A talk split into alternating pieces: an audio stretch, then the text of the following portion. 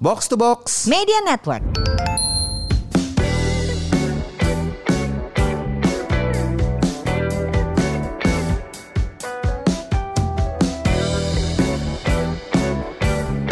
Buat apa sehat tapi nggak punya uang? Buat apa makmur tapi sakit-sakitan? Halo, ini dia podcast Mur, podcast yang akan mengajak kamu hidup sehat dan makmur bersama saya FX Mario. Saya kali ini masih ditemani oleh teman saya Nadia. Hai, Hai Nat. Nadia Harsha di sini. Yes. Oke, eh lu eh, minggu eh, episode yang kemarin kita udah ngomongin soal cash flow terapi. Jadi Ya. buat kalian yang Udah daftar belum? Uh, uh, oh langsung mau jualan ya udah. Jadi gini cash flow terapi itu dengerin aja episode sebelumnya itu terapi mencatat pengeluaran kalian selama 30 hari ditemani sama Nadia gitu. Kalau mau daftar uh, you can go to her IG Yes. at Noni Nadia nanti ada infonya di situ atau langsung DM aja kalian Nat. Boleh. Oke. Oke, Nadia, eh, lu kan yang gua kenal cie sejak 13 tahun yang lalu gitu kan. Lama banget coy. Heeh, emang emang lama banget dari lu masih single. Ya. Dari lu masih single, patah hati, punya pacar, menikah, sekarang punya anak. Gila, lama banget. Gue melewati banyak fase hidup lu. Eh, Ya, Oke. Nah, eh lu kan dulu kita sama-sama di QM. Emang sama-sama punya ketertarikan nih sama personal finance gitu kan. Yes. Nah, nah, terus kan lu waktu itu pindah balik ke corporate lain. Yes. Eh, corporate yang lama lo ya itu sebenarnya. Iya ya? lama loh. Corporate lama lo sebelum masuk Enggak, QM. enggak, oh enggak, enggak, enggak. corporate baru ya. Corporate baru, Oke. tapi eh, industrinya ya mirip ya. industrinya mirip dan kantornya lumayan lama di situ. Ya, ya, ya, ya, ya. Terus akhirnya eh, lo keluar lalu menekuni dunia financial planning. Lo ambil, Hmm. lo ambil CFP. Yes. Itu tahun? 2020. Oke. Nah, apa sih yang bikin lo career switch nih? Gini, sebenarnya pertanyaan gue ini karena waktu itu gue ke-trigger ada yang ngomong di Twitter, "Eh, "Hah, umur 30-an career switch nggak telat tuh." Gue kayak, "Hmm, lo nggak tahu aja. Justru di saat itu lo sebenarnya lebih enak career switch, duit udah ada, eh, otak lo udah lebih ada isinya, Pengalaman eh, juga udah pengalaman lebih udah ada, ada. Hmm. network lo lebih bagus gitu. Kalau lo sendiri gimana itu Nat? Lo career switch? Sejujurnya niat gue itu sebenarnya bukan karir switch, Mar. Aha. Jadi kejadiannya tahun 2019. Ya. Jadi gue bekerja di suatu perusahaan eh, pertambangan Aha. yang benefitnya lumayan banget Iya, kak, gitu. tambang Gajinya gitu ya. banyak, gitu. Heeh. Bonusnya Bapak banyak. pemiliknya adalah em, Iya. Oh, ya. Pokoknya intinya wah happy banget deh dari sisi eh, dari sisi pendapatan ya happy banget gitu. Nah tapi itu kejadian eh, Cuma dunia gonjang dunia gonjang ganjing ketika gue jadi ibu Oke. Ya kan. Jadi begini walaupun kita sudah berusaha membagi eh, tugas rumah tangga secara adil kan ujung-ujungnya kalau udah jadi ibu anak lo punya preferensi maunya gelendotan sama gue kan. Iya, iya, iya, Nah, iya. Jadi itu kejadiannya di tahun 2019 anak gue umur 4 tahun Aha. Nah dia itu didiagnosa speech delay, Oke. jadi dia mesti terapi. Ya. Nah di waktu yang sama suami gue pindah ke kantor berbeda yang mobilitasnya tinggi banget. Mhm. Jadi dia tuh bentar-bentar bisnis trip, bentar-bentar keluar kota gitu. Nah jadi efeknya adalah benar-benar kocar-kacir banget gitu. Mhm. Gue kayak ngerasa astaga anak gue dititipin ke siapa, nggak ada yang jemput. Ya, jadi kayak aduh kayaknya uh, uh, my plate is super full, uh, super full dan kayaknya gue harus give up karir korporasi gue. Oke. Karena waktu itu pertimbangannya waktu aja sih Oke, gitu. oke. Akhirnya di 2019 gue resign. Dengan hitung-hitungan dulu dong tentu saja karena kita kan sama sangat concern ya sama Hmm. finansial. Gue hitung-hitungan dulu income dari suami gue cukup cover apa enggak. Ya. Akhirnya ya udah kita eh, apa namanya gue memutuskan ya udah gue mundur aja nggak apa-apa. Hmm, hmm. Walaupun banyak yang bilang, "Ah, itu udah ada gila-gilanya ya." Iya, iya, iya. iya. gitu lo kok bisa bisanya sih give up eh, apa karir yang udah lo bangun penghasilan yang segitu Iya. gitu ya tapi gue pikir ya karena anak gue nggak akan dua kali umurnya empat Iya, tahun iya, gitu iya, iya. ya udah nah tiga bulan kemudian tiga bulan dari gue resign gue kan cita-citanya luhur yang ngurusin Hmm. anak gue gitu segala Hmm. macem Jadi ibu rumah Ternyata tangga. jadi ibu rumah tangga jalan ke pasar Heeh. kayak hai Main sama meeting ya? kucing. Meeting Heeh. ya, meeting ya. Astaga, aku tuh baru pulang dari pasar, habis belanja sambil brunch. Heeh. Nah, Cita-cita luhurnya begitu ya. Tapi ternyata tiga bulan kemudian bosen coy. Oke. Oke, terus? Terus gue kayak kena serangan eh, serangan panik sama kerang- serangan minder gitu. Gue Oke. kayak ngeliat anjir gue kok gak ada gunanya sih jadi orang Hmm, gitu. hmm, hmm. Maksudnya itu bukan hal yang baik dan itu bukan hal yang Bukan hal yang baru nggak ya? ba- Nggak. itu nggak seharusnya seperti itu Iya, sih tapi kan iya. lo paham dong Iya, iya. ada banget rasanya kayak gitu nah akhirnya di situ gue berpikir kalau kayaknya gue harus melakukan sesuatu nih Mhm. gitu gue mesti ngerjain sesuatu yang ya mungkin agak sulit kalau misalnya balik lagi ke korporasi Ya. gitu ya udah gue ngapain Karena ya waktu. Nah, karena waktu Ya. karena kan anak gue mesti kayak dianterin sekian waktu Ya. tapi beres gue nganter anak kan gue nggak tahu gue Ya. ngapain gitu Ya. Nah akhirnya gue memutuskan untuk ya karena kita pernah kerja di industri financial planning Iya, kan, iya, jadi iya. gue ngerasa itu adalah salah satu ilmu yang eh, aplikatif banget buat gue Iya. selama satu dekade terakhir. Mhm. Terus gue ngerasanya eh, mungkin akan banyak orang yang terbantu kalau gue bisa eh, bikin ini serius. Oke.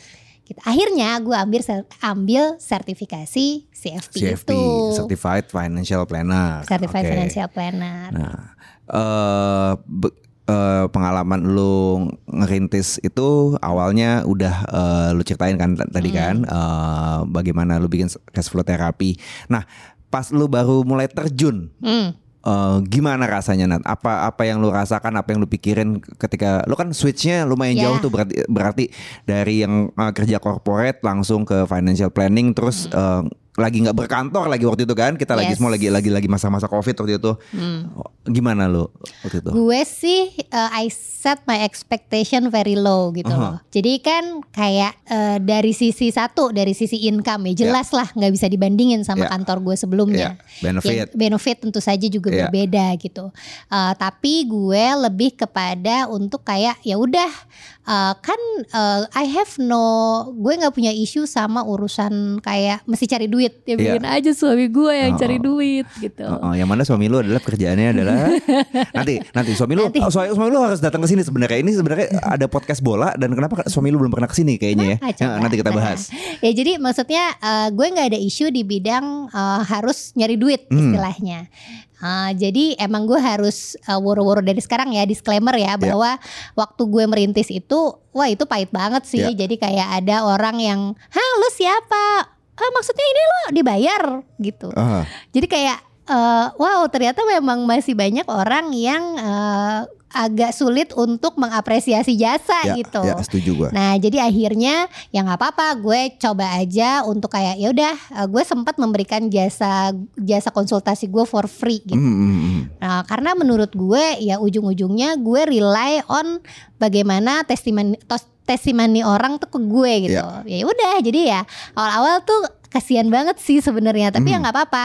Eh, menurut gue kan itu yang gue cari tuh bukan uangnya gitu. Hmm. Nah kalau juga temen-temen kayak eh, dari situ gue banyak menerima pertanyaan. Ya.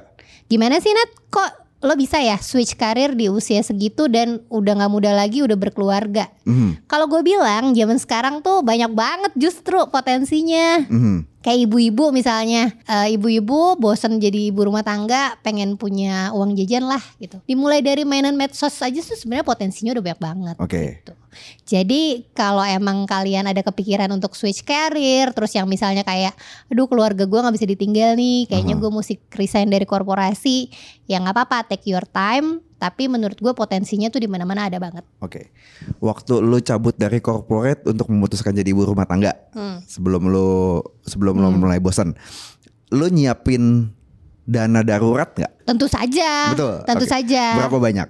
Jadi gini, gue itu eh, siap-siap resignnya itu kurang lebih setahun sendiri, Ya, Mas. ya, ya, ya. Jadi kan anak gue tuh didiagnosis tera- dan terapi itu dari umur 3 tahun Ya. kan. Gue resign waktu dia umur 4 tahun. Ya. Jadi dalam sebulan gitu, gue sebenarnya udah kayak maju mundur, maju mundur, Aha, maju mundur.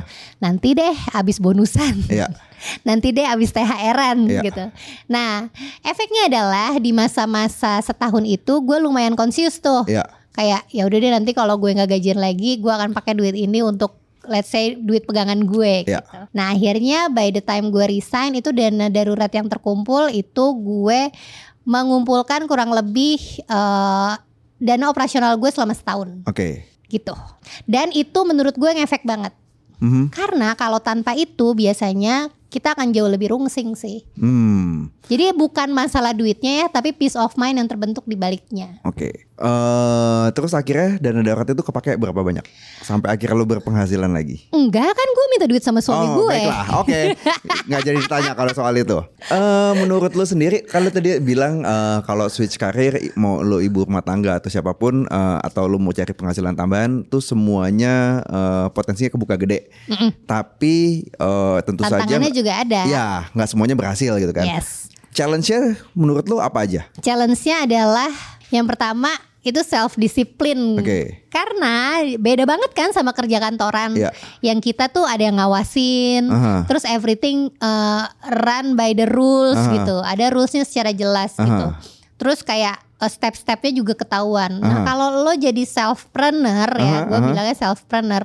Wah, everything on you gitu. Jadi lo Aha. jadi chief everything offi- officer sih gue Hmm. ngelihatnya. Mhm. Nah, ada beberapa orang yang bisa gue justru merasa gue jauh lebih disiplin sekarang Mhm. dibandingkan waktu gue ngantor. Oke. Karena I'm on, on my own gitu, bener-bener Ya. kayak kalau gue berantakin ini semua, gue berantakin hasil kerja gue ya semuanya hancur gitu. Oke. Sementara kan kalau ngantor, ya kalau gue bikin kesalahan dan berantakin satu hal, Aha. ya bulan depan tetap gajian, coy. Mhm, mhm, Gitu. mhm. Oke, lu sekarang udah bikin cash flow terapi, lu udah pindah karir, lu mau ngapain lagi abis ini Nat? Sejujurnya gue belum tahu sih, tapi eh, gue melihat bahwa eh, PR kita, PR kita nih, eh, PR kita perempuan Indonesia, ibu-ibu itu banyak banget Ya. gitu. Jadi kayaknya emang gue menemukan eh, bahwa eh ini akan menjadi bestie gue gitu. Gue Ah, ah. akan gue akan banyak eh, bekerja dari sini di sini gitu Ya. loh. Kalau dulu ketika gue kerja di korporasi, emang kerjaannya keuangan, tapi yang dihadepin kan eh, perdagangan, eh, terus bank dan Komoditi. dokumen Mhm. gitu loh. Jadi gue nggak ketemu feedback langsung secara eh, personal. Ya. Jadi ya udah kerjaan gue beres, artinya eh, perusahaan dapat duit, that's it Ya, gitu. ya. Tapi sekarang ketika gue melakukan suatu hal, gue dapat feedback, itu rasanya menyenangkan banget ketika ada orang yang datang kayak Hmm. Mbak Bunat makasih ya gara-gara cash flow terapi aku tuh berhasil ngobrol sama suamiku soal duit selama ini aku tuh baru ngomong kayak eh eh, ya duitnya itu suamiku udah ngegas tapi sekarang aku udah tahu caranya ya aku tinggal sodorin data terus kita bisa ngobrol jadi enak Oke. Nah jadi gue ngeliat bahwa oh gini ya rasanya kerja yang mendapatkan apresiasi secara langsung Hmm, gitu, hmm, secara langsung dan secara personal gitu. Hmm. Jadi menurut gue ya eh, ujung-ujungnya walaupun eh, uang itu penting, eh, kerja pakai hati itu jadi jauh lebih menyenangkan sih. Kira-kira gitu. Ah haru.